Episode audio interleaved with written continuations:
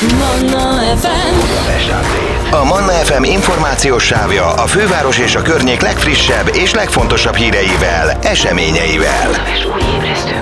A mikrofonnál István Dániel. Péntek reggel a Budapest update mindig körbenézünk, hogy milyen filmek érkeztek a budapesti mozikba csütörtöki premierrel, úgyhogy itt is van velünk filmszakértőnk Tudás Viktor. Jó reggelt, Viktor! Jó reggelt kívánok, köszöntöm a kedves hallgatókat, szervusz! Hát, szia, pörög a karácsonyi hajtás, ilyenkor az ember, amikor a plázában néhány szatyorral rohangál, akkor szinte kívánkozik megülni egy picit a mozikban, és ugye erre a multiplexek tökéletesen alkalmasak, és most azért ugyan szűk kínálatban, de jöttek új filmek. Nekem ugye a horror a gyengém, kezdjük azzal. Láttam, hogy van egy Dán-Holland horror dráma, mindig azzal szoktuk kezdeni, hogyha valami skandináv, akkor az valószínűleg elég beteges. Ez most is így van? Hát azt azért nem mondanám, hogy beteges. Ugye Christian Taftrup a filmnek a rendezője, akinek korábban a Szülők című filmét már láthatta a magyar közönség. Hát ő nagyon szereti ezeket a családi konfliktusokat, vagy családi élethelyzeteket különös perspektívából mutatva a vászonra vinni. Ugye ebben a filmben, a Látogatás című filmjében egy Dán család ellátogat egy holland családhoz, akikkel nyaralás közben ismerkedtek meg, és hát most végül is az, hogy a két család újra találkozik, immáron nem a nyaraláson, hanem az egyik vendégül látja a másikat, hát ebből vajon mi rossz sülhet ki, hiszen hát olyan jól töltöttük, töltöttük együtt annó az időnket.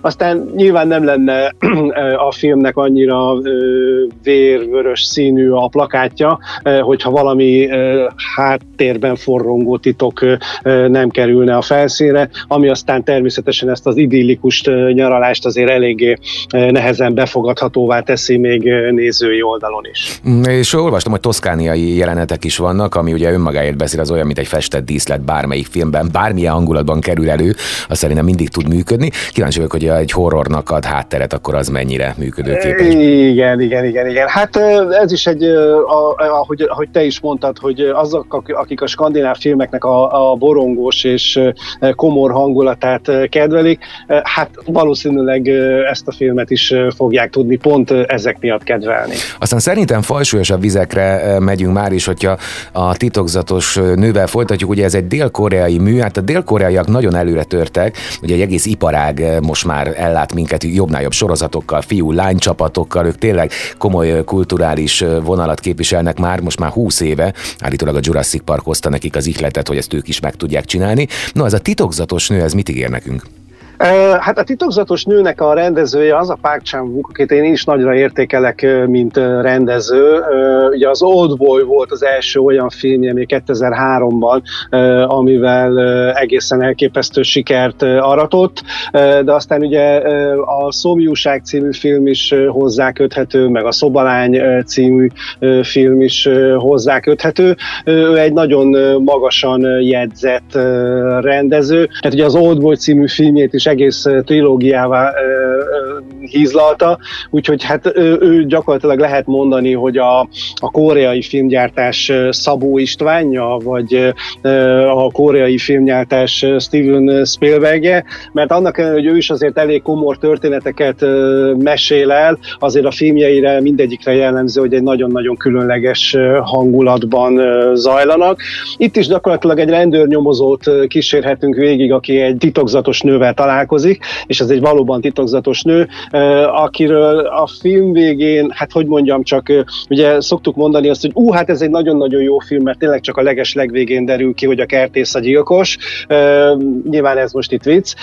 Tehát, hogy ez egy nagyon fordulatos és nagyon meglepő, végkifejletű film, pont annyira erős, mint a Park korábbi filmjei. Ez az alkotása egyébként az idei Cannes Filmfesztivál Fesztiválon a legjobb rendezés díját érdemelte ki, tehát a színészi játék az valóban méltó Párcsánvó korábbi filmjeihez. És akkor ugye a nagy halat a végére hagytam, az Avatárt, ugye már több hete, hónapja beszéljük, hogy évvégére megérkezik. Hát most itt van, én, ez, ez klasszikusan az a film, amit én moziban szeretnék megnézni, ha lehet, akkor még feltuningolt vizuális formában. Egy valami fog vissza, az ugye a hossza ne fogjon vissza a hossza, nem feltétlenül fogod érezni a filmnek a hosszát, mert egészen elképesztő látványvilágú a film. Azt egy picit úgy félve mondom, hogy aki a 3D szemüvegben a térélményt a mozi székben ülve nehezen viseli, tehát lehet, hogy hamarabb elszédül, vagy, vagy meg tud szédülni az ilyen 3D látványtól, hát annak tényleg nem javaslom, hogy az első sorok valamelyikébe vegyen jegyet, hanem tényleg leghátra, mert, mert valami egészen elképesztő, hogy mennyire szédítő, mennyire látványos, és mennyire magával ragadó a film, és nagyon vicces, hogy ezt mondtad, hogy a nagy hal érkezik a végére, mert ugye valóban a filmnek a, a túlnyomó többségében vízparton és vízközelben, meg víz alatt, meg a víz tetején zajlik a történet.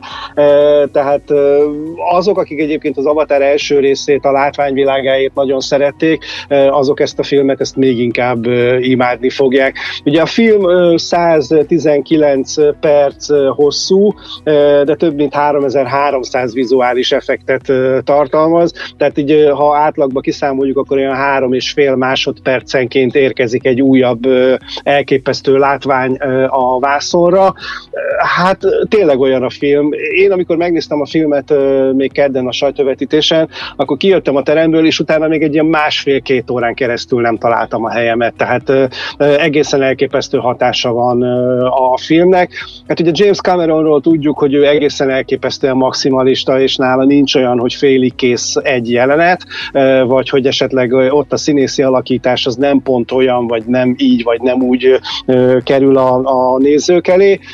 Hát ehhez ké, tehát valóban a film az olyan, hogy csak csodálattal lehet róla beszélni. Az, hogy most a történet milyen, hogy ez most mennyire egyszerű, vagy mennyire körmönfont, az azt gondolom, hogy egy ilyen látványvilágú filmnál teljesen irreleváns, mert egyébként a látvány olyan szinten viszi el a történetet, hogy, hogy az ember tényleg azt érzi, amikor kijött a moziból, hogy wow, ezt újra át akarom élni. Ez anélkül, hogy spoilereznénk, ez egy olyan folytatás, ami le is zár valamit, vagy tulajdonképpen esetleg ez egy sikersorozat folytatás annak kezdete, tehát mindig újból elő lehet majd rukkolni valamivel a Navik földjéről.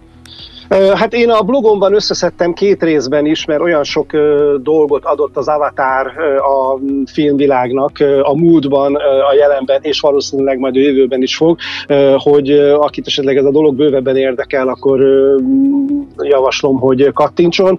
Ugye ezt a filmet, amikor elkészítette, vagy elkezdte forgatni James Cameron, akkor úgy vágott bele, hogy az Avatar 2, az Avatar 3, az Avatar 4 és az Avatar 5 forgat forgatókönyvét is megírta, tehát gyakorlatilag négy forgatókönyv van kész, és ebből gyakorlatilag az Avatar 4-ig már le is van forgatva minden, tehát gyakorlatilag a, gyakorlatilag a hármas, a négyes az utómunkára vár, az ötös az, ami nincs leforgatva. Tehát gyakorlatilag, ha az összes film elkészül, és az 2028-ig most így két évenkéntre be van tervezve, már pedig, hogyha ez a film sikeres lesz, és nagyon úgy tűnik, hogy az lesz, akkor gyakorlatilag gyakorlatilag 2028-ig minden második év karácsonyában beírhatjuk a naptárunkba, hogy érkezik majd egy újabb avatár. Egyáltalán nem záródik le a történet, sőt, egyre izgalmasabbá válik a történet. Nem titkolt szándéka egyébként a gyártó Disney stúdiónak, hogy a, a, az avatárból is egy a Star Warshoz vagy a Marvel univerzumhoz köthető, fogható egész univerzumot építsenek. Gyakorlatilag ebben a filmben erre a lehetőség az maximálisan meg is van adva. Már csak azért is, mert hogy én el tudom képzelni, hogy a történet a, jövőben nem csak a Pandora bolygón, hanem más bolygókon is be tud csatlakozni a sztoriba, úgyhogy izgalmas idők elé nézünk Avatar szempontból is. Na, ez nagyon jól hangzik. Köszönjük, Viktor. Ma este lesz Cinemanna. Ki lesz a vendéged? Igen, ma este még Cinemanna is lesz.